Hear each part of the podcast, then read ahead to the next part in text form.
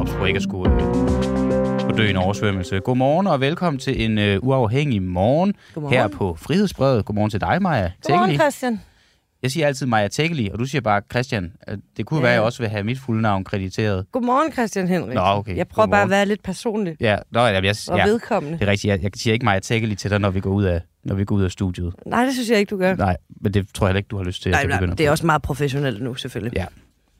Ja. Hvad, hvad, hvad, hvad, skal, hvad skal vi tale om i dag? Maja? Jamen, i dag skal vi snakke om øh, en masse forskellige ting, men først og fremmest øh, vil jeg lige øh, give et skud til dagens afsløring fra Frihedsbredet. Det drejer sig om, at Socialdemokratiet bryder et løfte om beløbsgrænse for udenlandsk arbejdskraft, og så gør op med en af Socialdemokratiets helt egen kerneværdier, faktisk. Mm.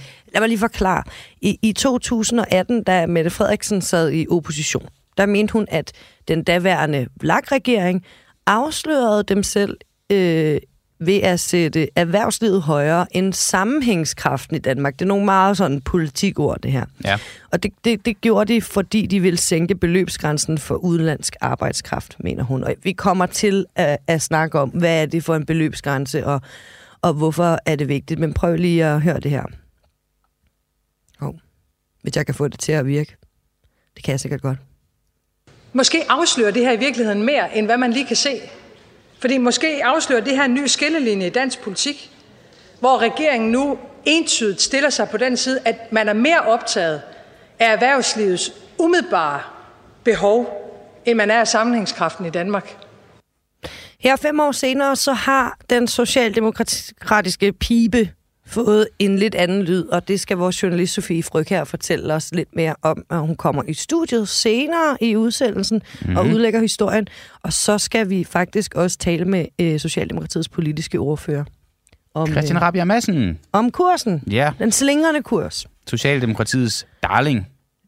Ja, Er han ikke. Det? det må vi spørge om. Det synes jeg. Hvad hedder det? Men, men, men ellers så skal vi jo igennem nogle andre ting. Øhm, lige her om lidt skal vi for eksempel snakke om Søren Ryge. Ja, det er noget, jeg særligt glæder mig til. Har du set Søren Ryges øh, haveprogrammer dengang, at... Øh, Kan jeg love De dig for, Ja. jeg har. Det har jeg virkelig, virkelig, virkelig set. Jeg har altid gerne vil have en have. Jeg har aldrig haft en have. nej, Øhm, heller ikke, da du så- var barn. Nej, Nå. jeg var vokset op i byen. Lejlighedsbarn. Ja, vi Ja. havde, øh, ja, se, øh, hvad hedder det, fortov.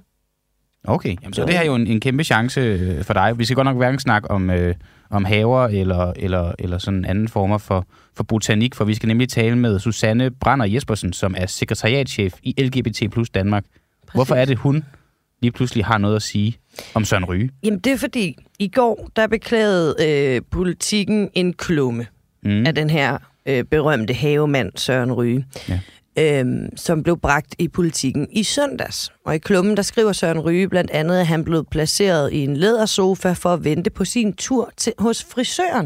Det er ja. simpelthen en reportageelement fra frisøren. Og han går simpelthen til frisør, Søren Ryge. Ja, det gør han. Ja, okay. Det er en afsløring også Det er også en afsløring. Her sætter der sig en mand, der angiveligt er Per Knudsen, som ejer den her frisørsalon. Han sætter sig ved siden af Søren Ryge. Jeg læser lige højt fra artiklen, fordi det er det her, det drejer sig om. Lidt efter kom en smuk og venlig mand hen til mig, hilste overstrømmende og satte sig ved siden af mig. Jeg hedder Per, og nu skal vi snakke om, hvilken frisyr du vil have, sagde han.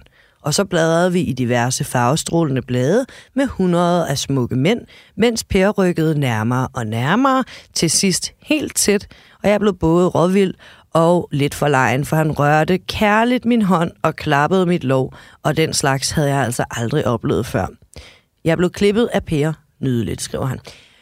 Politikken, de, de beklagede at have bragt den her klumme med det her øh, afsnit, fordi klummen i en homofobisk tone fremsatte grundløse beskyldninger mod indehaveren af frisørsalongen i Aarhus om at have gjort tilnærmelser til skribenten under et besøg, besøg sådan skrev læsernes redaktør Bjarne Schilling i øh, avisen i går. Og derfor, fordi der er sket ret meget siden den her rettelse eller beklagelse kom ud, synes jeg, at vi skal tale med Susanne Brander Jespersen, sekretariatchef i LGBT plus Danmark. Jeg håber, at øh, hun er igennem på telefonen. Er du det, Susanne? Ja, det er jeg. Godmorgen. Godmorgen. Et, et, et oplagt spørgsmål øh, til dig. Øh, opfatter du det her øh, hvad kan man sige, det her afsnit, jeg har læst op fra Søren Ryges klumme, som homofobisk, ligesom politikken gør? Nej, det gør jeg egentlig ikke, Nå, faktisk.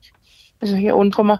Men øh, altså, jeg opfatter jo som om, at Søren Ryge har været udsat for noget, han synes er grænseoverskridende, som han ikke får sagt fra over for, om det så er foregået eller ej. Det ved, det, det ved jeg jo ikke. Øhm, og, øh, men, men så homofobisk, det, det synes jeg nu, jeg har, jeg har lidt svært ved at få øje på. hvorfor tror du, at de har valgt at fjerne øh, eller beklage øh, afsnittet, altså hvis det ikke er homofobisk, og kan du måske gå lidt mere ind i, hvorfor du tænker, det ikke er det? Jamen, jeg kan jo ikke se... Øh, altså, jeg kan ikke... Øh, jeg, jeg kan jo ikke vide, hvorfor de har valgt at beklage. Det må du jo spørge dem politikken om. Altså, Selvfølgelig. det tænker jeg ikke, jeg skal sidde og gætte på. Øhm, men altså, hvorfor det ikke er det? Jamen, altså, jeg kan bare ikke se, at der er noget homofob. Han udtaler sig jo ikke om, at han synes, det er klamt, eller at han synes, øh, øh, en mand ikke bør røre ved en anden mand, eller sådan noget. Han siger jo bare, at han, han synes, det er grænseoverskridende, at den her frisør kommer tæt på ham, og han bliver rådvild, og så får han ikke sagt fra, og det er jo, kan man sige, det er jo måske mere kan man sige, en, en, en grænseoverskridende oplevelse, end det er noget som helst andet. Om den så har fundet sted eller ej, det, det, det aner jeg jo ikke noget om.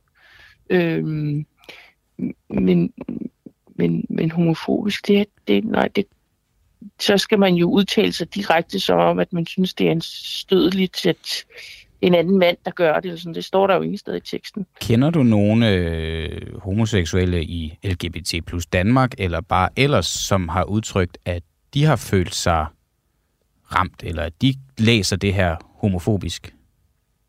Nej. Har du hørt om nogen, De der diskuterede har... også inde på arbejde i går. Ja, Nej, det har jeg, det, det, vi var, jeg tror, vi var rørende enige, at øh, det havde vi lidt svært ved at få øje på. ja, for det er jo så det spørgsmål, man så kan komme frem til, det er om politikken vil jo nok mene, de tager, de tager hensyn blandt andet til en organisation som LGBT plus Danmark og, og generelt homoseksuelle, når de vælger at, at bære ud og beklage det her, det her skriv. Øh, vil I tage imod den beklagelse? Det skal vi jo ikke. Vi har ikke brokket os over noget som helst, så jeg kan ikke se, hvorfor vi skulle tage nogen beklagelse. Altså, det må politikken jo stå på mål for. Man kan sige, jeg synes jo nogle gange, det bliver en lille smule... Øh, øh, altså... Jeg, jeg ved jo ikke, hvad de har fået at klage, eller hvad de har tænkt, eller hvad de har gjort derinde, eller hvad de har regnet med, men altså... Jeg, jeg, jeg har nu stadig til gode at se, at vi er, øh, fejret i, i, i bål og brand og blækhuset over øh, noget så småt som en kommentar i en klumme som det her. Det vil jeg...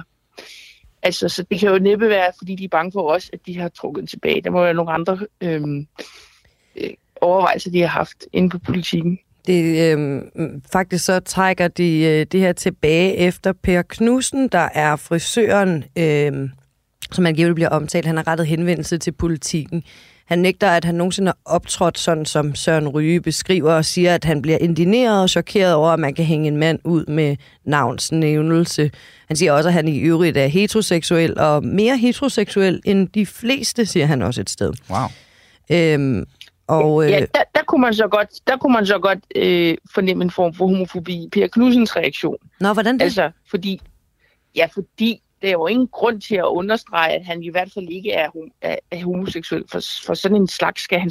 Altså, der fornemmer man jo en tone af, at, øh, at det vil han overhovedet ikke associeres med. Men jeg kan godt forstå, at han reagerer, hvis ikke han har optrådt grænseoverskridende. Det vil jeg også gøre. Hvor, hvor, i, Øhm, hvor i den her udtalelse får du ud af, at... Altså, hvorhen læser du, at han overhovedet ikke vil associeres med at være homoseksuel? Nå, men fordi det der, han er i hvert fald altså, han er øh, mere, homo, mere heteroseksuel end de fleste, som om det er en konkurrence om, hvem der kan være mest heteroseksuel. ja. Altså, og som om det skulle være, det, kan man sige, værdi, værdiladet spørgsmål.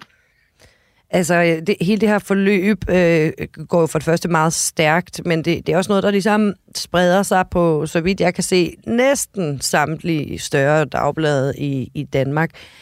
Altså, Ja, hva- mangler nok noget at lave. Der er, der er lidt af, det kan være, det der sker ud i verden, så kan det virkelig undre, at jeg synes, det er en storm i et glas vand.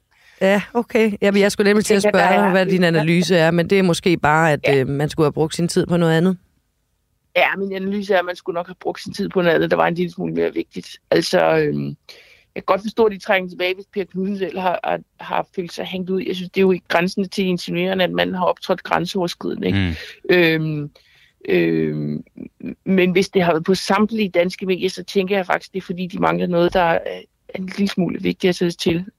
Ja, men det kan også godt være, det kan også godt være, at, at det bare generelt er sådan, det er i danske medier lige, lige de her dage, der sker nu ellers en, en hel masse. Nu, da jeg læste det her, så tænkte jeg, at det var godt nok en, en voldsom anklage at fyre afsted mod Søren Ryge, at, at han skulle være homofobisk, for når man læser skrivet, så, som du også selv siger, der er jo ikke, det er jo ikke som sådan homofobisk skrevet, eller i hvert fald ikke i mine øjne, lyder det ikke til, det er det i dine. Jeg tænker så også, når ja. vi så taler nu, og du påpeger, at Per Knudsens udtalelse grænser til det homofobiske, så lyder det i mine også lidt som en, en voldsom anklage. Altså, hvad, hvad bygger du den anklage på, andet da han skriver, at han er meget heteroseksuel? Jeg bruger jo ikke, men jeg siger jo heller ikke, at manden er homofobisk. Jeg siger bare, at der kan man da godt fornemme en snært af noget, som er sådan lidt, og det vil jeg i hvert fald ikke synes, men jeg bruger som regel aldrig udtrykket øh, øh, fobisk om nogen som helst, fordi jeg synes, mm. det er øh, øh, der skal virkelig meget til, før man, altså, før man kan sige, det er, det er ord, jeg trækker op i min arsenal. Jeg kan ikke huske, at jeg har brugt det hverken offentligt eller i private samtaler.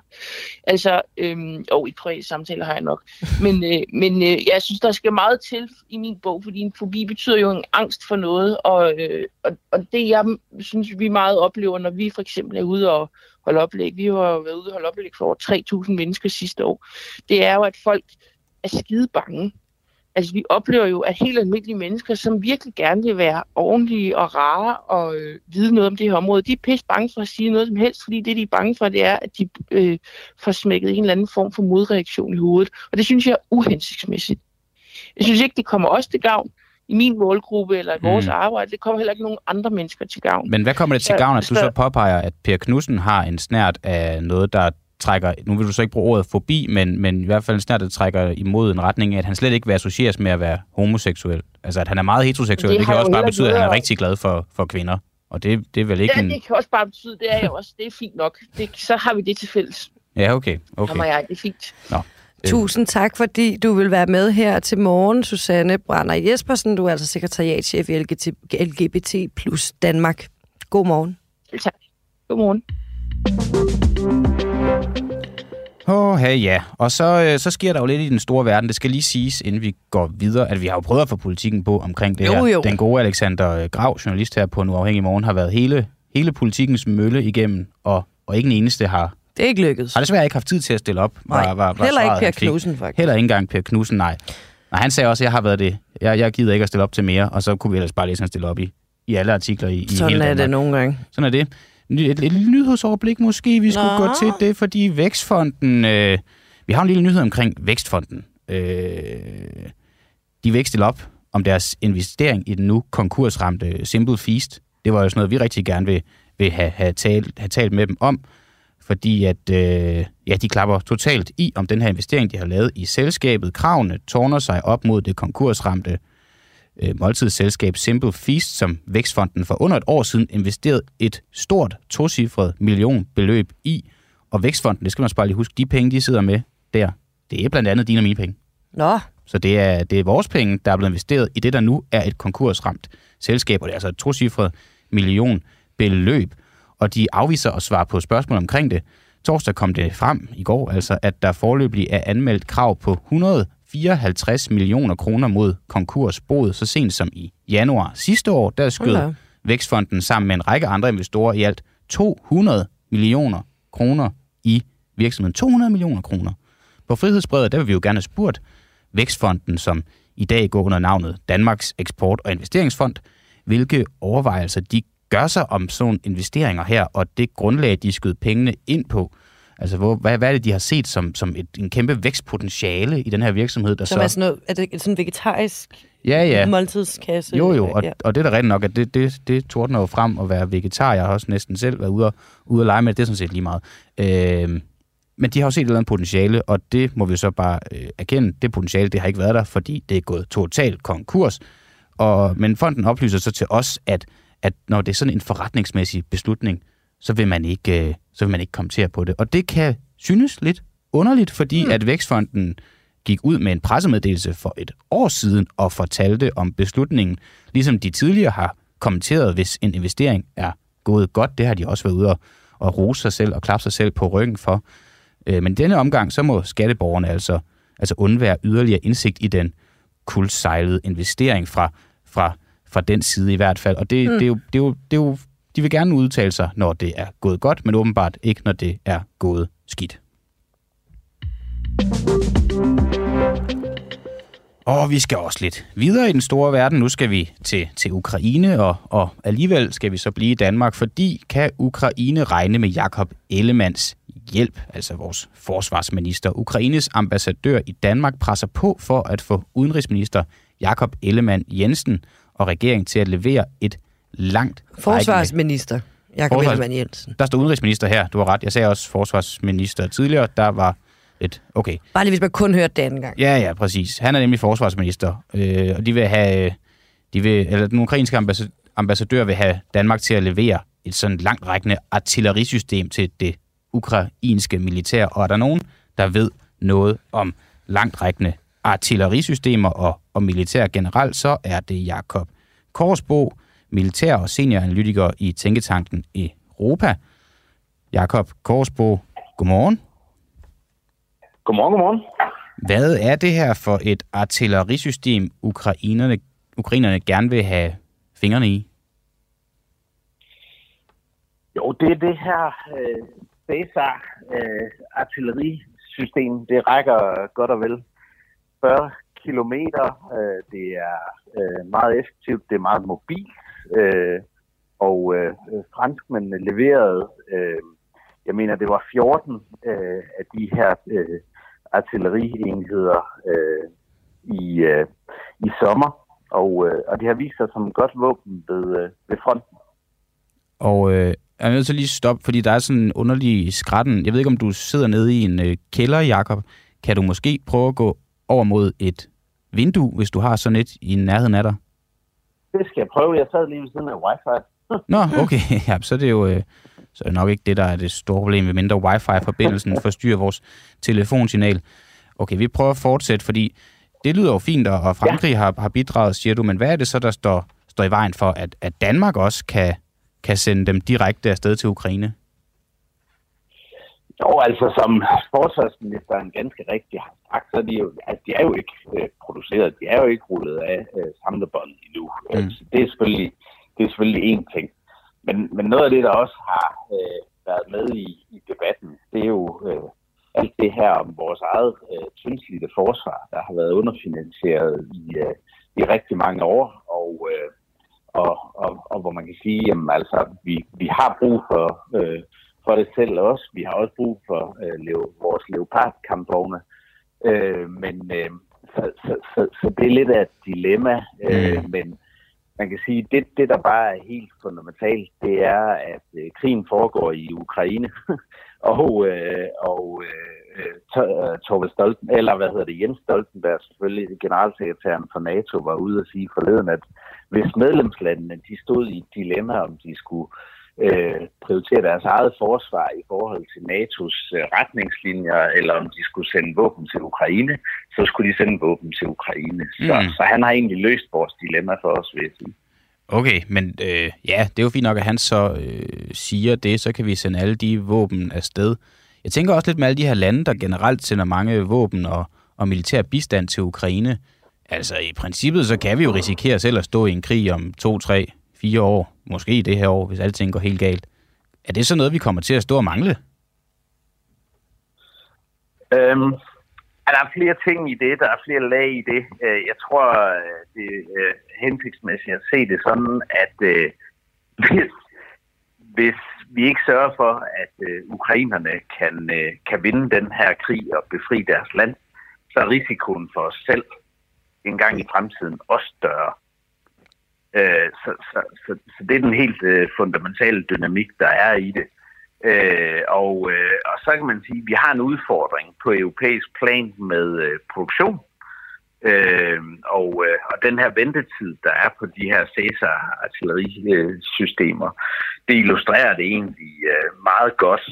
Øh, og, og der kan man sige, der har vi jo i Danmark øh, gået med i øh, EU's øh, forsvarssamarbejde efter vores folkeafstemning i, i sommer. Mm. Og, og der kan man sige, det er, det er nok det, vi som danskere og som dansk regering skal se som en, en god mulighed for at være med til at, at præge udviklingen, sådan så den øh, militære kapacitet, der skal tilvejebringes, øh, den kommer ind i en, øh, en europæisk ramme, og der bliver samtænkt omkring produktionskapacitet og den slags ting.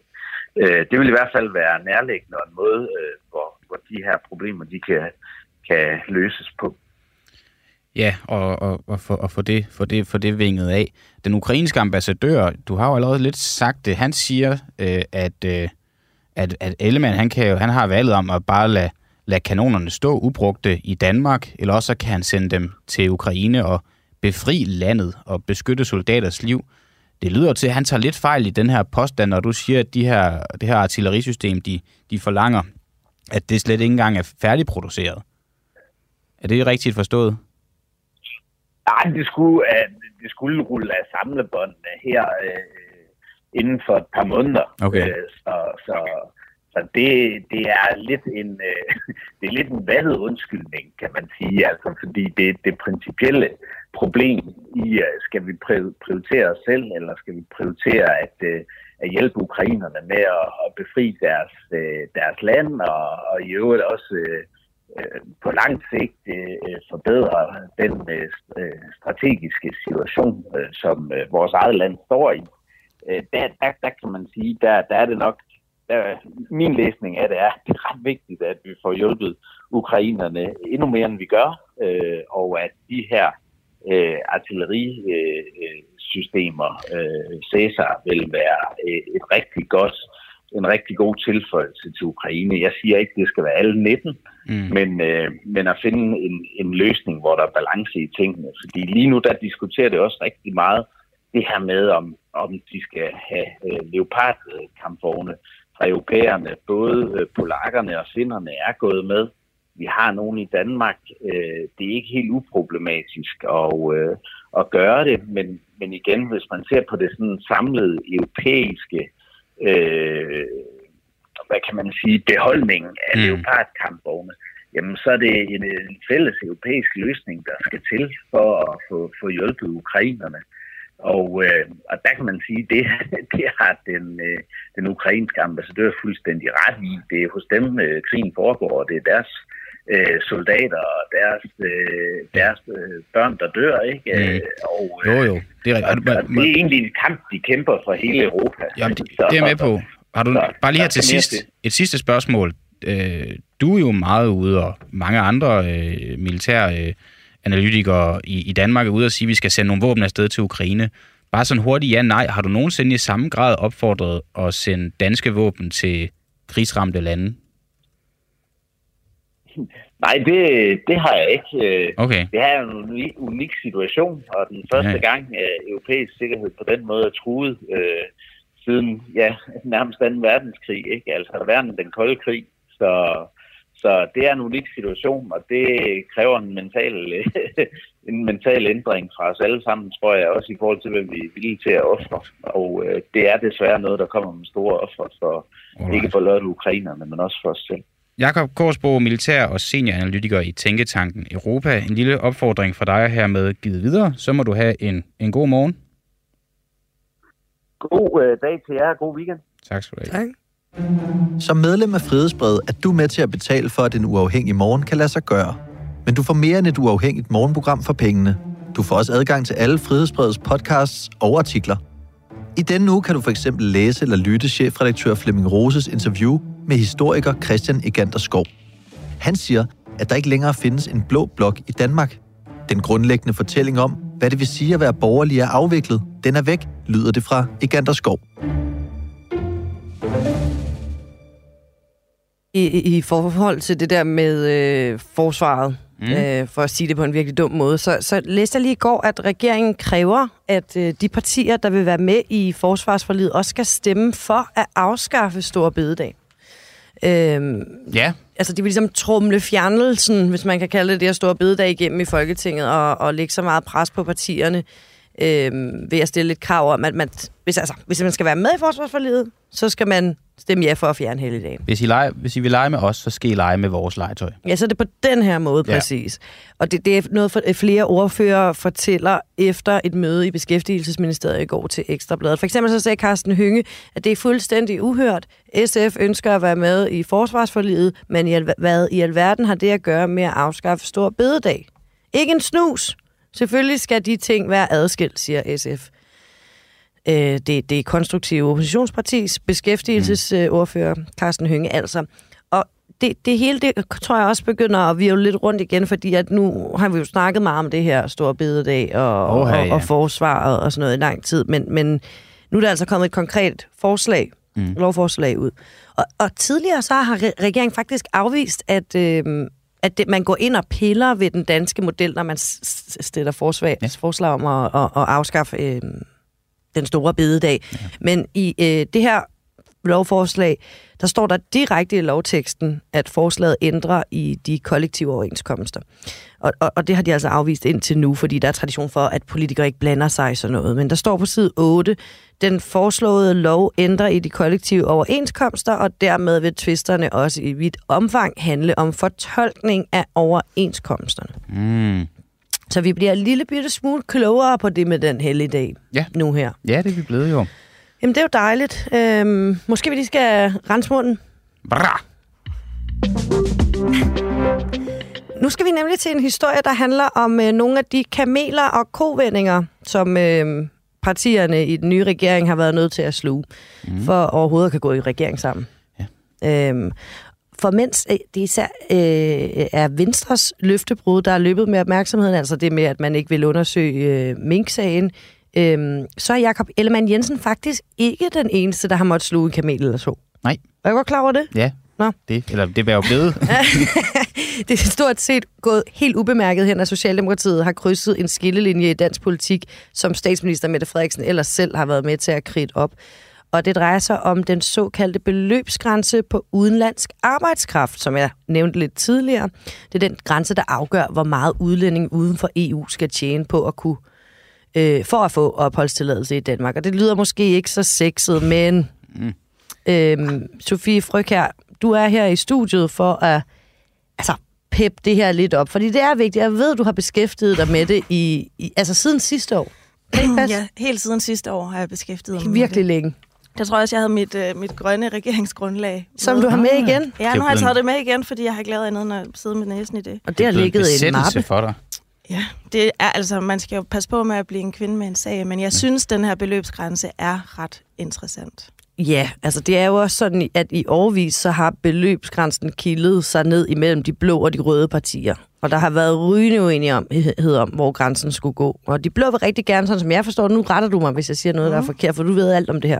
De vil rigtig gerne have den presset ned, men det vil de røde ikke. Og jeg synes, vi skal høre et klip fra 2018, hvor statsminister Mette Frederiksen siger noget om det. Er I klar til det? Ja. Okay, det er jeg også. Jeg er grundlæggende imod, at man på lønninger lavere, end hvad mange danske håndværkere går til, skal kunne importere fra rigtig mange tredjelande. Jeg er grundlæggende virkelig uenig og imod. Der er beløbsgrænsen på de der godt 400.000. Og jeg føler mig egentlig ret sikker på, at hvis en virksomhed virkelig gerne vil have hentet en medarbejder fra den anden side af jordkloden, så må det også være muligt at udbetale en ordentlig løn. Og så er der et andet element i det her, og det er, at vi skal også have et land til at hænge sammen. Og det er jo derfor, vi i Socialdemokratiet siger, at der er en grænse for, hvor mange udlændinge, der kan komme til Danmark, fordi vi skal kunne følge med som samfund. Måske afslører det her i virkeligheden mere, end hvad man lige kan se. Fordi måske afslører det her en ny skillelinje i dansk politik, hvor regeringen nu entydigt stiller sig på den side, at man er mere optaget af erhvervslivets umiddelbare behov, end man er af sammenhængskraften i Danmark. Og det er godt, det kommer frem nu, inden et valg, synes jeg. Wow. Ja. Hun Det er jo altså- grundlæggende imod. Ja, hun er meget imod. Og Meget, meget, meget imod. Ophidset. afslører imod. en skillelinje, hvor øh, de borgerlige er optaget af erhvervslivets umiddelbare behov, altså nogle kortsigtede behov, øh, og hvor Socialdemokratiet stiller sig på selve samfundets sammenhængskrafts side. Men den, nu, den er det ikke længere, eller hvad? Ej, det her det var jo i 2018, og det valg, Mette Frederiksen taler om, er ikke det valg, vi lige har afholdt. Det var valget i 2019. På det her tidspunkt er hun oppositionsleder, Og der er hun altså meget imod at sænke beløbsgrænsen. Det er en debat, man har på det her tidspunkt, og den er, som du også beskrev, de er meget uenige. Og, Det kan man godt høre. Der går nogle gange også en børneslagsmål i den, fordi det er virkelig det er også en meget dyb ideologisk debat. Det er arbejdsmarkedspolitik, det er udlændingepolitik, og vi har de blå på den ene side, og de røde på den anden side. Men sådan er det ikke længere.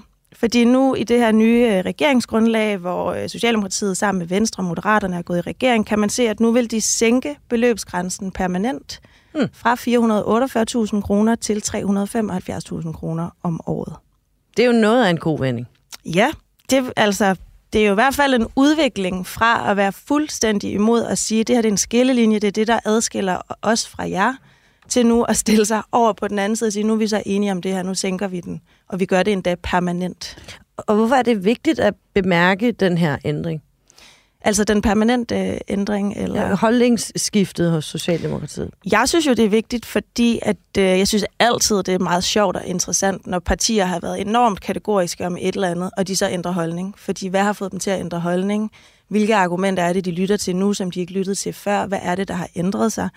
Og så synes jeg, det er interessant, fordi hvis Socialdemokratiet har ændret holdning, og det ikke bare er noget, de har forhandlet i regeringsforhandlingerne, og som de har været nødt til at gå med til, men i virkeligheden mener de stadig det, som de mente før, mm. så siger det noget om den her bevægelse, der sker lige nu i dansk politik. Og det siger noget om et socialdemokrati i udvikling på altså mm. to kerneområder for det gamle Arbejderparti, som jo har været den her arbejdsmarkedspolitikken, det er lønmodtagerne, det er fagforeningerne, samtidig med, at det også er udlændingepolitik, fordi det man jo gør, når man sænker beløbsgrænsen, det er, at man åbner op for, at der kan komme mere udenlandsk arbejdskraft til Danmark. Men hvad bruger de selv som argument, hvis de gør det? Altså, hvad, hvad, hvad, hvad er deres grund til det her, øh, den her ændring af holdning?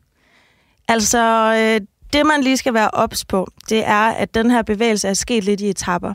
Fordi før valget lavede et, øh, et bredt forlig, eller en, et, et bredt flertal i Folketinget gik sammen, gik sammen om en aftale, hvor man sænkede beløbsgrænsen midlertidigt. Mm. Og det var enormt vigtigt for Socialdemokratiet og SF og de, og de røde støttepartier, at det var midlertidigt. Det var for en afgrænset periode på tre år, og det var fordi, at vi står lige nu i en situation, hvor det er løsningen. Men der lød argumentet, at det er en aktuel situation. Vi har øh, erhvervslivet skriger på arbejdskraft. Vi har brug for at løse det lige nu. Og, øh, og derfor gjorde man så det.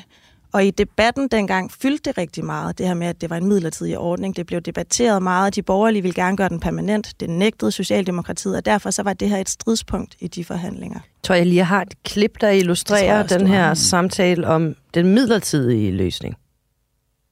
Og med lovforslaget her, øh, så foreslås det blandt andet at indføre en øh, midlertidig supplerende beløbsordning. Det at lave midlertidige ordninger er meget uholdbart i forhold til det at lave en permanent løsning. Dette skal blandt andet realiseres gennem en midlertidig supplerende beløbsordning. Et forslag fra regeringen, som er midlertidigt, Og med det her lovforslag, jamen, så bliver der iværksat en ny midlertidig beløbsordning. For SF har det været vigtigt, at or- ordningen begrænses til to år. med den her aftale flytter man foden lidt. Jeg mener bare ikke, det er et skridt i den rigtige retning, når det er sådan, at det er en midlertidig aftale, og alt andet lige, som hr. Mads Fuglede sagde, øh, når det er sådan, at det er en midlertidig aftale, der vurderes ikke at have varig effekt, hvis den kun er midlertidig, jamen er det så overhovedet et skridt i den rigtige retning? Okay, bare lige for at opsummere her. Ja. Vi har at gøre med en kovending, der er foregået i etapper, Ja. Sofie. Først var Socialdemokratiet direkte grundlæggende imod at sætte øh, sænke beløbsgrænsen. Det skal vi ikke. Det kan der simpelthen ikke blive tale om. Det vil føre til social dumping og alle mulige forfærdeligheder for danske lønmodtagere. Så gik det med til, at, altså, at det kunne man alligevel godt, dog under den betingelse, at ordningen var midlertidig. Og nu står Socialdemokratiet så bag at indføre en permanent sænket beløbsgrænse. Er det ikke rigtigt? Jo. Sådan kan ting jo ske hen over tid, men øh, altså... Øh, Ting flytter sig jo i politik, og det skal de jo også gerne. Men det er jo, jeg synes bare, det er interessant, altså fordi verden jo ændrer sig, og nogle gange bliver vi klogere. Mm. Men jeg synes, det er interessant, hvad det er. Altså, det vi lige har hørt er en debat, der foregår i sommeren 2022. Fire måneder senere har vi et valg. Og i valgkampen fylder det meget for Socialdemokratiet hele tiden at stå fast på, at det vi har vedtaget er en midlertidig ordning. Ja, det, det er kan man meget godt høre. vigtigt for os. Jeg skal lige sige, i klippet er det ikke kun Socialdemokrater, der er også nogle venstrefolk, der er sure over, at den er midlertidig. Øh, men så på den anden side af valget, så har vi jo så lange regeringsforhandlinger, der skal landes et regeringsgrundlag, og nu er det her krav om, at den skulle være midlertidig væk. Udover Mette Frederiksen, hvem har så talt imod at sænke beløbsgrænsen? Og hvad har de sagt? Altså, det er altså, dårligt. Hvem har sagt det? Altså rigtig, rigtig mange. Nå. Øh, nu har jeg jo siddet med det i noget tid og, og gået tilbage i arkiverne og søgt rundt. Altså finansminister Nikolaj Vammen mm. har understreget det beskæft, den daværende beskæftigelsesminister, nu justitsminister Peter Hummelgaard var ude at sige det. Udlænding og integrationsminister Kåre Dybvad Bæk var ude at sige det. Folketingsmedlem Jens Jol var ude at sige det. Folketingsmedlem Kasper Sandkær har været ude at sige det. Hold da op, mand. Altså, der er en stor, de er en stor forsamling af socialdemokrater, for hvem det var meget vigtigt, at det kun var midlertidigt. Og hvad siger de så til dig nu? Jeg har haft, øh, jeg har først, for, som det første selvfølgelig bedt den ansvarlige minister om et interview, og det er Kåre Dybvad Bæk, der sidder i Udlænding- og Integrationsministeriet. Det har han ikke haft mulighed for. Øv. Ja. Hverken før øh, jul eller efter jul. Og Hmm. øh, når jeg så sådan lidt irriterende har spurgt ind til, hvorfor har han ikke mulighed for det? Er det, fordi han ikke har tid? Er det, fordi han ikke vil? Er det, fordi han ikke øh, kender stoffet, eller hvad det nu kunne være? Så siger de, nej, det har han bare ikke mulighed for. Nå, Ja, så det har ikke, øh, ham har jeg ikke kunne tale med. Og så har jeg også øh, rettet henvendelse til, jeg tror det er i alt otte folketingsmedlemmer fra Socialdemokratiet, for at spørge, om de havde lyst til at bare forklare mig, hvad der har fået dem til at ændre holdning. Og jo i virkeligheden også, om, jeg tror, nogle gange kan det jo godt blive sådan en, Nå, men nu vil de have os til at indrømme et løftebrud. Øh, egentlig er jeg bare også lidt nysgerrig på, om de selv ser det som en, en bevægelse i Socialdemokratiets øh, arbejdsmarkedspolitik, udlændingepolitik, og hvad de tænker om den bevægelse. ja, Christian. Det er et spørgsmål, der retter sig lidt til dig, Sofie, som øh, politisk analytiker. Øhm, Nu skal jeg jo sige, at jeg har skudt jo alt forkert før valget, så men prøv. Nå ja, men det kan være, du rammer rigtigt nu. Det er bare, vi har jo her efter valget, så har vi set en, en masse krav, der bliver, der bliver ændret. Kravet om en undersøgelse af sagen om Ahmed Samsam, kravet om en undersøgelse af Mette Frederiksens rolle i Mink-sagen. Nu ser vi øh, kravet om, at øh, det her det bare er en midlertidig løsning, bliver ændret til, at nu bliver det faktisk en permanent løsning.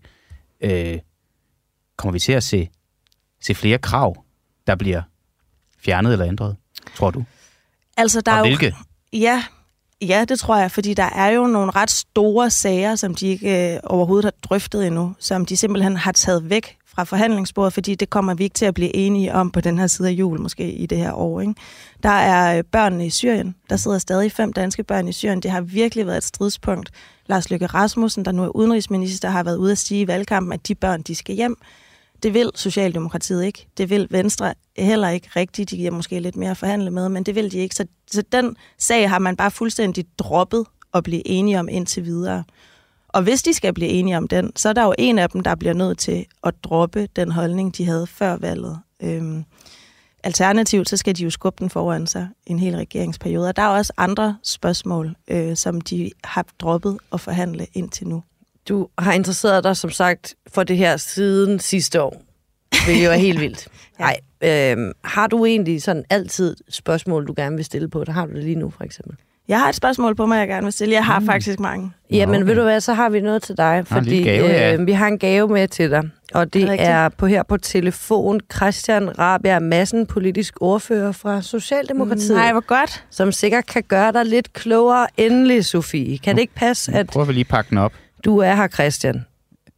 altså, jeg er her, men Christian Rabia er her ikke endnu, for jeg at vide. Øh, så du Nå, må... men en god gave. Ja, Ja. nu er det Ja. jo forventningsglæde. Ja. Øh, du, skal, du skal bare lade, lade, lade køre løs, og det skal lytterne Ui, ja. sådan set også, men det er rigtig nok, han er, han er ikke på linjen lige nu. Det er tit noget med, at de skal lige parkere en bil eller et eller andet, så øh, Er du glad? Ja, ja, ja, ja og jeg er så glad for, at øh, ligesom i tv-køkken, at jeg har forberedt mig hjemmefra. Det, det jeg er har virkelig snydt lidt. heldigt. Ja, det, det er Jeg har taget et virkelig- par spørgsmål med. var det lige, hvad du ønskede dig? det var faktisk lige, hvad jeg ønskede mig. Jeg Nå, tror ikke, den her fredag kan blive bedre. Øh, helt ærligt, så bliver det faktisk også rigtig interessant at høre, og nu er han heldigvis igennem. Er du klar, Sofie? Ja. Så så bakker vi ud. Godmorgen, Christian. Nu får du lige Sofie, vores journalist her på Frihedsbrevet. Perfekt. Godmorgen. Godmorgen, Christian. Det er Sofie her. Hej. Tak, fordi du havde tid. Mit, øh, mit første spørgsmål går egentlig bare til dig på. I 2018, der erklærede din partiformand, Mette Frederiksen, sig grundlæggende uenig i at sænke beløbsgrænsen, og hun kaldte det en ny skillelinje i dansk politik. Hvor er den øh, skillelinje blevet af? Forsvandt den under regeringsforhandlingerne, eller hvor er den henne? Nej, det ved jeg ikke, man kan sige. Det, man diskuterede øh, på daværende tidspunkt, det var jo om en ordning skulle være permanent eller ikke permanent, og hvordan øh, beløbsordningen skulle ligge. Og nu har man så fået en, en ny ordning, som øh, jeg egentlig synes både tager hensyn til, at vi har nogle virksomheder, som gerne vil have arbejdskraft, og så at vi har øh, Socialdemokrati, som er optaget af, at vi, øh, at vi beskytter øh, danske lønmodtagere mod social dumping. Og det er jo fordi, den ordning, som vi får nu, man kan sige, ja, den er permanent, men den er jo ikke mere permanent, end at øh, den øh, kan ikke få lov til at fortsætte, hvis vi får en stigning i arbejdsløsheden på, på over øh, 3,75 procent. Øh, vi har et loft over antallet af personer, som kan som kan omfattes af ordningen. Øh, ordningen målrettes certificerede virksomheder, som, som har OK øh, vilkår, og så skal ordningen evalueres efter to år. Så det er lidt blevet en anden diskussion, en, en lidt simplere diskussion, vi havde for år tilbage. Ja, men det var jo ikke en simpel diskussion for et par år tilbage. Det var det, der var selve skillelinjen i dansk politik. Og så siger du, at I har været optaget af at løse det her problem. Men før valget var I jo i Socialdemokratiet enormt optaget af, at I kun ville være med til at sænke den beløbsgrænse i en afgrænset periode, hvis det var midlertidigt. Og nu kan man jo så læse, at nu har I ændret det krav til, at den er blevet permanent. Ikke midlertidigt, ikke for en afgrænset periode på tre år, men permanent. Så noget må jo have fået jer til at ændre holdning. Hvad har fået jer til at ændre holdning? Jamen, jeg mener ikke, vi har ændret holdning. Og jeg er ikke enig med dig i, at det ikke er et uh, mere nuanceret billede i dag, end det var dengang. Fordi den ordning, vi taler om nu, er en anden end den, som vi diskuterede skulle være permanent eller ikke permanent. Og det er korrekt, Men at, nogle af de at, øh, krav, som du nævnte før, altså det her med, at ledighedsprocenten ikke må overstige 3,75 procent, at der er et, et antal ledige, der ikke må være, så stopper ordningen med at virke. De krav var jo også en del af den midlertidige løsning. Så hvorfor brugte I så meget tid i sommer på at diskutere, om den skulle være midlertidig eller permanent, når I nu bare er med til at gøre den permanent alligevel? Men Jeg er ikke enig med dig i, at vi bare er med til at gøre den permanent, fordi vi får også et øh, krav ind i den nye ordning, som betyder, at den målrettede certificerede virksomheder med, med ordnet løn- og arbejdsvilkår. Og så får vi ind, at ordningen evalueres efter to år. Så jeg synes, at ordningen er et udtryk for, at vi har fundet hinanden under regeringsforhandlingerne og lavet et kompromis, som jeg synes både til gode ser, at vi på den ene side har et behov for at tiltrække arbejdskraft, og øh, på den anden side sikre, at ordningen ikke bliver en adgang til, til social dumping og dermed forringer øh, vilkårene for danske lønmodtagere. Mette Frederiksen sagde jo altså for, ingen, for knap fire år siden, at hun var grundlæggende uenig i overhovedet at røre ved den beløbsgrænse. Hun kaldte det en ny skillelinje i dansk politik, og hun sagde, at det var en skillelinje, der handlede om, at de blå vil gerne imødekomme erhvervslivets umiddelbare behov, og I vil gerne værne om selve sammenhængskraften i samfundet. Er det her en trussel mod sammenhængskraften, når I nu permanent sænker den beløbsgrænse? Nej, det synes jeg ikke. Jeg synes egentlig, vi har fundet et kompromis imellem de to positioner, der har været tidligere på hver sin side af beløbsgrænsediskussionen. Ja, I er gået over til kan... de borgerlige, kan man sige. I gik fra at være imod til, at det var vigtigt, at den var midlertidig. Nu er I fuldstændig med på de borgerliges idé om at gøre den permanent sænket. Nej, det synes jeg er en påstand, som du har, som jeg er uenig i. Øh, fordi, det er et spørgsmål. Får... Er I gået imod, altså har I flyttet jer mod de borgerlige på det her? Jeg tror, med al respekt ikke, du formulerede det som et spørgsmål, men mere som en konklusion. Men uanset om det er en konklusion eller et spørgsmål, er jeg, er jeg uenig i det, og vil gerne svare på spørgsmålet, fordi jeg mener, at der i ordningen nu, øh, på trods af, at den bliver permanent, er en, en rigtig god beskyttelse af, den, af danske lønmodtagere øh, og af, af, af de sociale øh, forhold, som vi var optaget af at beskytte, nemlig at ordningen ikke skal blive en vej til at underminere øh, gode danske løn- og arbejdsvilkår. Så altså det forhold, at den er permanent, men kun indtil øh, altså, at den bliver øh, suspenderet, kan man sige, hvis ledigheden bliver for høj, at der er et, øh, en grænse på, hvor mange personer, der kan omfattes, at det Men er for de kriterier var jo også en, en del af den midlertidige ordning. Altså det her med, at den kunne suspenderes, hvis ledigheden blev for høj, det lå allerede i den midlertidige ordning, som det var jo meget vigtigt for jer, at den var midlertidig. Det var ikke vigtigt for de borgerlige partier, det var vigtigt for jer. Altså det, det er nyt, at man laver den her målretning i forhold til certificerede virksomheder, og det er også nyt, at man laver en, en evaluering, og så har man så fundet en, en grænse nu i forhold til, til arbejdsløshed, hvor den så kan blive suspenderet, og der er også et, øh, et loft over antallet af personer, der kan omfattes. Og det synes jeg egentlig er en, er en god, øh, er et, et godt kompromis. Okay, Christian. Har I fået noget i bytte for at gå med til at sænke beløbsgrænsen på udenlandsk arbejdskraft permanent til 375.000? Nej, jeg tror ikke, man kan sige, at vi har fået noget direkte i bytte. Øh, Så noget jeg synes, indirekte? vi har lavet en ordning her. jeg synes, vi har lavet en god ordning her, som både til gode ser virksomhedernes øh, interesser og, øh, og arbejdstagernes interesser, Og så kan man jo sige, at, øh, at både Venstre og Socialdemokratiet og Moderaterne har jo rykket sig på nogle områder. Og her har I Øh, rykket jer lidt mere end de andre. Det ved jeg ikke. Jeg synes, ordningen er god. Øh, Det er klart, at vi har rykket os. Øh, De andre har, har, rykket, har rykket sig. Både på den her ordning, men også generelt. Og så spørger du, om man får noget i byt. Altså det er klart, når man indgår en række kompromiser, så bliver der givet og taget. Og det er øh, regeringsgrundlaget jo eksempler på. Altså der er jo også... Øh, ja, jeg tror, der er eksempler, masser af eksempler i regeringsgrundlaget på, på initiativer, som, øh, som ikke øh, oprindeligt er groet i alle partiers øh, baghaver. Sådan er det jo, når man skal samarbejde på Christiansborg. Det er jo et, ja, det er vel egentlig et okay element i det danske folkestyre, synes jeg. Ja, man kan sige, det er jo selvfølgelig også et vilkår, når I skal blive enige i tre partier. Øhm, hvad, har Ja. I, hvad har I for eksempel fået med jer i det regeringsgrundlag? Vi har fået en øh, lang række ting. Øh, vi har et meget massivt fokus på at sikre investeringer i erhvervsuddannelserne. Det synes jeg er noget af det vigtigste, fordi vi har et meget betydeligt behov for at få flere erhvervsuddannede. Altså, når vi diskuterer en ordentlig værdighed i ældreplejen, så er det selvfølgelig til dels et spørgsmål om, om penge og prioriteringer, men det er jo lige så høj grad et spørgsmål om, at vi skal have uddannet arbejdskraft øh, ind i den offentlige sektor, særligt i forhold til, til, til plejefagene. Mm. Vi har virksomheder, som siger nej til, til ordre, fordi de ikke kan få, øh, få faglært arbejdskraft. Christian, nu det synes kommer jeg, jeg er til et element, som er meget vigtigt. til at stille, et- stille et spørgsmål, der afledte os lidt fra emnet, og det var min skyld. det beklager jeg. Men jeg, jeg vender lige tilbage til den her permanent lavere beløbsgrænse, fordi du siger, at nu, at den nye ordning, der er der også indlagt en, en intensiveret indsats imod social dumping, som jo er noget af det, I har advaret mod i overvis ville ske, hvis man sænkede den her beløbsgrænse, og at det er en af grundene til, at I nu kan gå med til det permanent. Øhm, der er noget, jeg ikke forstår, fordi hvis man godt kan sænke beløbsgrænsen og bekæmpe social dumping på en og samme tid på den her måde, hvorfor har I så ikke bare gjort det for mange år siden? Altså, det har jo været en stående debat imellem jer og de borgerlige i rigtig mange år. Jeg- Jeg skal ikke kunne sige, hvorfor man ikke har fundet den her præcise model for år tilbage, men jeg synes, det er en udmærket model, som øh, sikrer et kompromis, hvor vi kan tage hensyn både til arbejdstager og virksomheder. Og jeg synes også, det er et kompromis, som, øh, som, som øh, sætter nogle fornuftige hegnspæle op omkring et spørgsmål, som vi har været optaget af, nemlig at vi ikke ønskede social dumping. Og det er jeg ikke nervøs for Øh, i det her tilfælde, fordi vi har en ordning, som er god og som tager hensyn til både ledighed, hvor mange der kommer ind, øh, sikrer, at det bliver virksomheder med ordnet løn og arbejdsvilkår, og at ordningen evalueres efter to år. Og så har vi så samtidig en øget indsats i forhold til social dumping, som også er, er fornuftig. Social dumping, som jo øvrigt kan, kan forekomme mange årsager, som ikke behøver at være direkte koblet til spørgsmål om beløbsgrænse. Mm.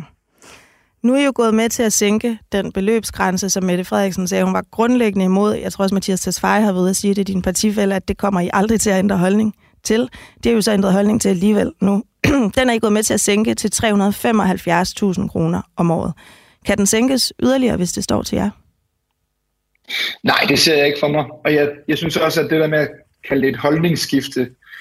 Vil du ikke kalde det er, det? Øh, Altså, hvis man kigger i 2018, Nej, altså, der ville I ikke engang være med til at diskutere det, og nu vil I gerne jo altså være med til at indføre en permanent der er jo sådan vis, der er sådan en vis risiko for at gå ind i sådan en, uh, en Lars Lykke-position, hvor man dels har en holdning og et, et, et standpunkt. Det skal jeg nok holde mig fra. Men jeg mener bare, at, at den, den ordning, vi diskuterer, er en ordning, som ja, sænker beløbsgrænsen.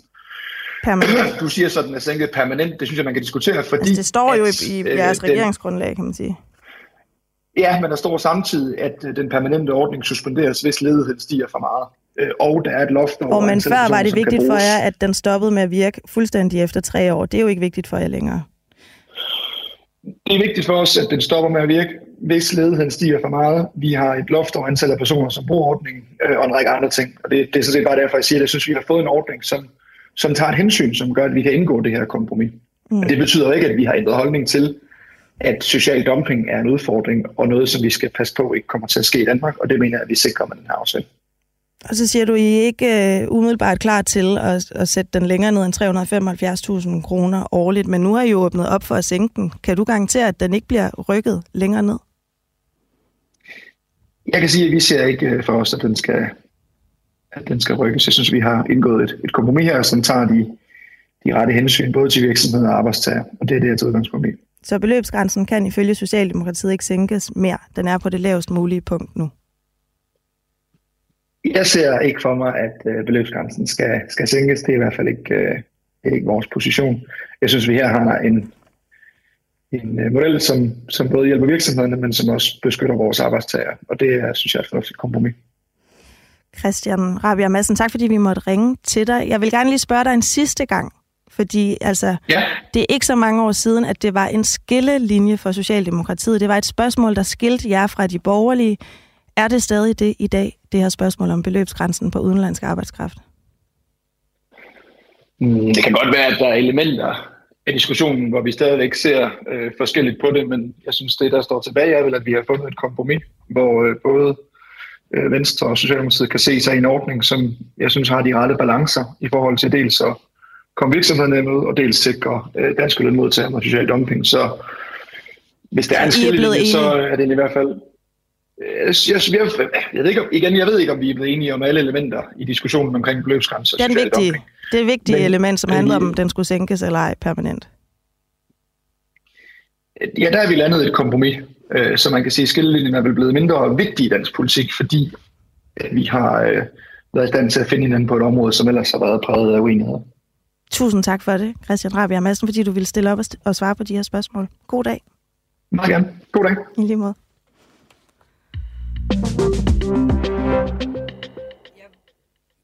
Jeg øh, ved, at øh, du skal til at skrive nu, Sofie. Jeg skal ned og skrive en, en anden historie. Ja. Nu kan jeg mm. måske slippe det.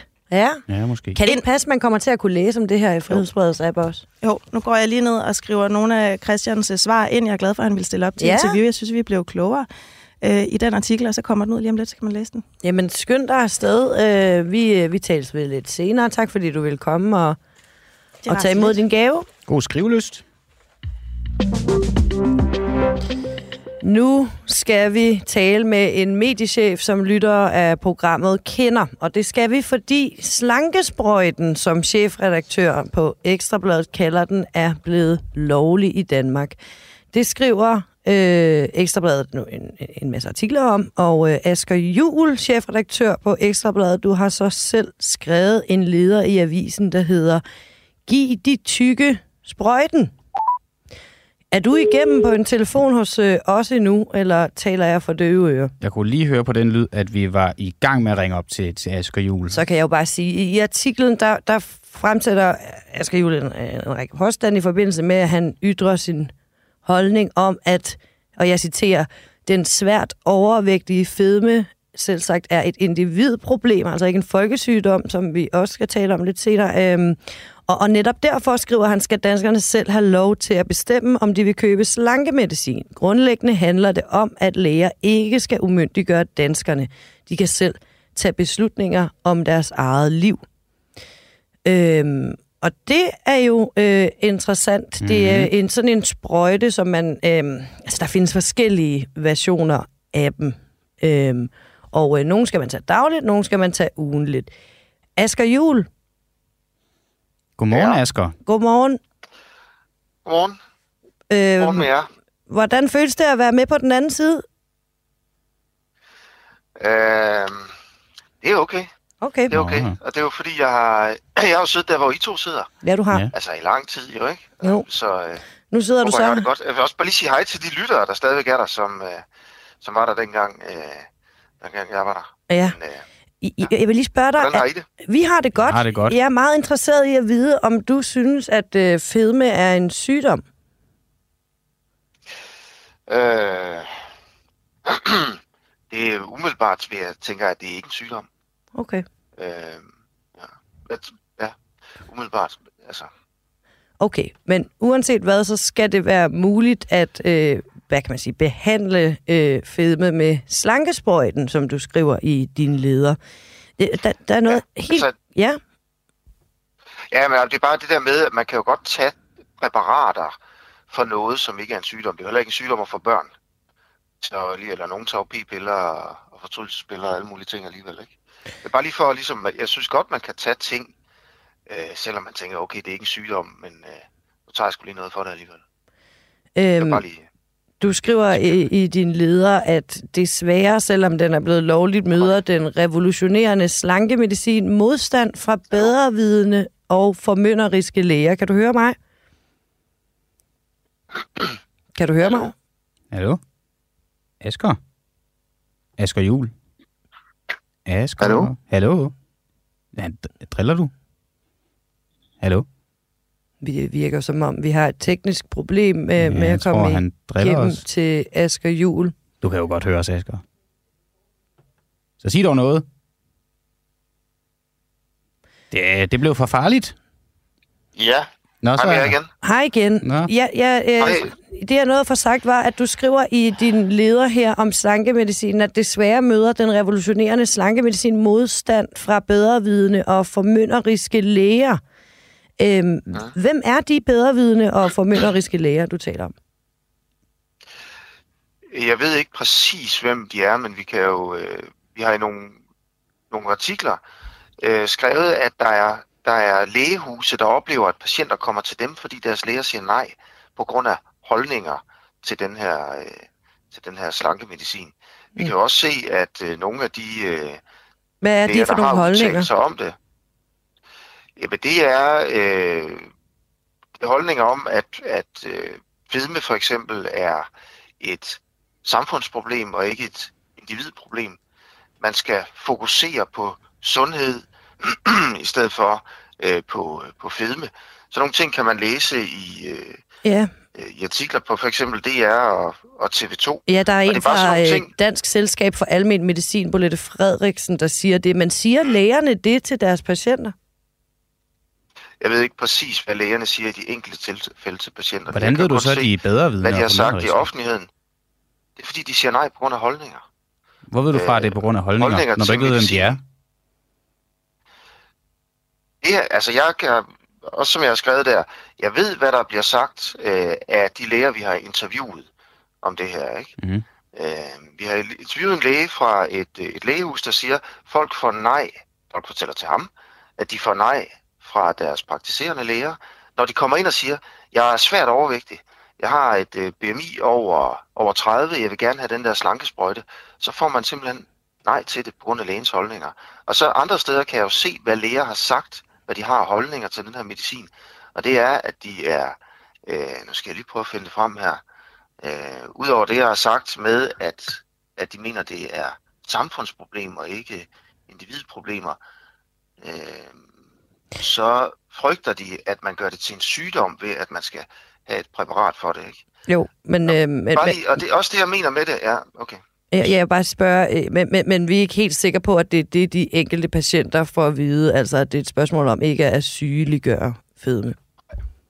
Nej, det er rigtigt. Er der nogle er bivirkninger ikke, ved... Øh, er der nogle bivirkninger ved den her øh, slankesprøjte, som du kalder den? Fordi det fremgår bare ikke af din leder.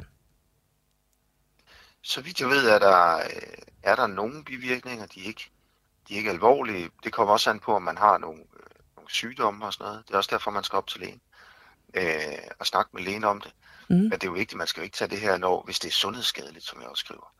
Øh, hvis det er sundhedsskadeligt, skal man ikke have lov til at, til at få den, øh, hvis der er for alvorlige bivirkninger. Men der er pointen så, hvis man mener, hvis det ikke er sundhedsskadeligt, så skal man selv have lov til at bestemme. En tyk dansker skal selv have lov til at bestemme, om han vil, om øh, fordelene opvejer ulemperne ved at få en slankesprøjte. Fordi der er ulemper. Ja. Der er den ulempe, at det koster penge at få den. Der er den ulempe, at når man stopper igen med den, så tager man på. Øh, Det viser alle undersøgelser, at det ikke er sådan en varig effekt. Det er ikke noget med, at man lige kan tage den i to år, og så taber man sig, så kan man stoppe, og så bliver man ved med at være tynd. Sådan ser det ikke ud til. Nu er det jo også helt nyt det hele. Ja. Øh, og så kan det også være det, at man sygeliggør sig selv, eller stigmatiserer sig selv. Men det er bare lige for at sige, om man mener, at de ulemper er større end fordelen ved at tabe sig. Det må den enkelte mennesker vurdere. Har, har læger det ikke, det her, har det er, læger skal ikke bestemme? en faglighed, der gør, at de måske kan træffe beslutninger for deres øh, patienter, øh, der er på baggrund af andet end en generel holdning, holdning til fedme? Jo, det har de. Altså, hvis det er også derfor, jeg siger, hvis det er sundhedsskadeligt, så skal folk selvfølgelig øh, ikke, ikke have det. Men jeg synes ikke, at læger skal træffe beslutninger øh, ud fra øh, sådan holdninger til, om, om fedme er stigmatiserende eller et samfundsproblem og sådan noget. Det Men- her, det er, fedme kan jo være rigtig træls for den enkelte, og derfor så er det den enkelte, der må tage den beslutning. Det er simpelthen bare det, det handler om her. Det handler om, hvem skal tage beslutningen over, om man må få fedmemedicin, hvis man vejer 110 kilo. Øh, grundlæggende handler det om, at læger ikke skal umyndiggøre danskerne. De kan selv tage beslutninger om deres eget liv, skriver du. Burde danskere egentlig også selv kunne bestemme, om altså, de vil på øh, for eksempel antidepressiv medicin? Øh, det ved jeg ikke. øh, Det ved jeg simpelthen for lidt om. Jeg ved ikke, hvordan, øh, hvor- hvordan bivirkningerne er der. Men, Men, men, jamen, mig det er sådan en principiel, på det, men det er en principiel Ja, ja. udtalelse, at man ikke skal umyndiggøre danskere. De kan selv tage beslutninger om deres eget liv. Skal de så også kunne træffe beslutninger om, de vil have insulin, penicillin? Øh, hvad er forskellen? Bare lige her til sidst, fordi vi er ved at løbe tør for tid, desværre. Ja, ja, selvfølgelig. Jeg, jeg synes, at det i vid udstrækning, hvis man bliver oplyst om, om bivirkninger og negative konsekvenser, og det bliver undersøgt, om det er sundhedsskadeligt for en, så mener jeg selv, at man skal have ret meget sag over, hvad man får. Der var også bare, bare lige minde om, sådan noget som p-piller og sådan noget. Kæmpe øh, rammeskrig dengang det kom, fordi det netop ville, øh, ville skabe en forkert retning for samfundet, men man, så kunne man bare have sex. Øh, Er p-piller og få slankemedicin sammenligneligt?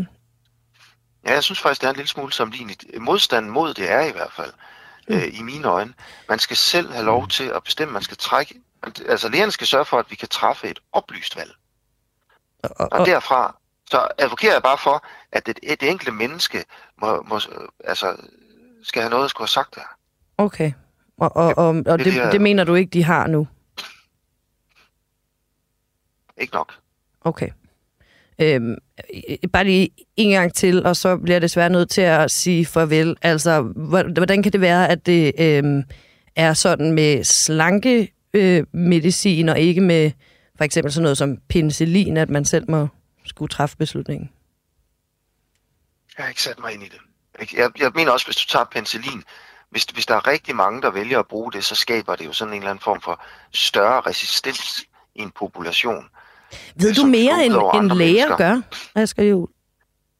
Nej, det gør jeg ikke. Jeg tror, det, her, det er helt almen viden, at, at jo mere penicillin der er sådan på verdensplan eller en population, jo, jo større resistens skaber det, og så går det altså ud over andre end dem, der tager det. Jeg advokerer bare for, at når du tager en slankesprøjte her, så går det altså kun potentielt ud over dig selv. Så må du selv tage beslutningen. Jeg tror, det er noget andet med penicillin, men altså, jeg er jo ikke helt ekspert. Tak fordi du lige var med og det. gjorde os klogere. Øh, det var en fornøjelse. Vi ringer tilbage igen, når der kommer et andet spørgsmål om medicin. Og tak fordi I lyttede med. God fredag.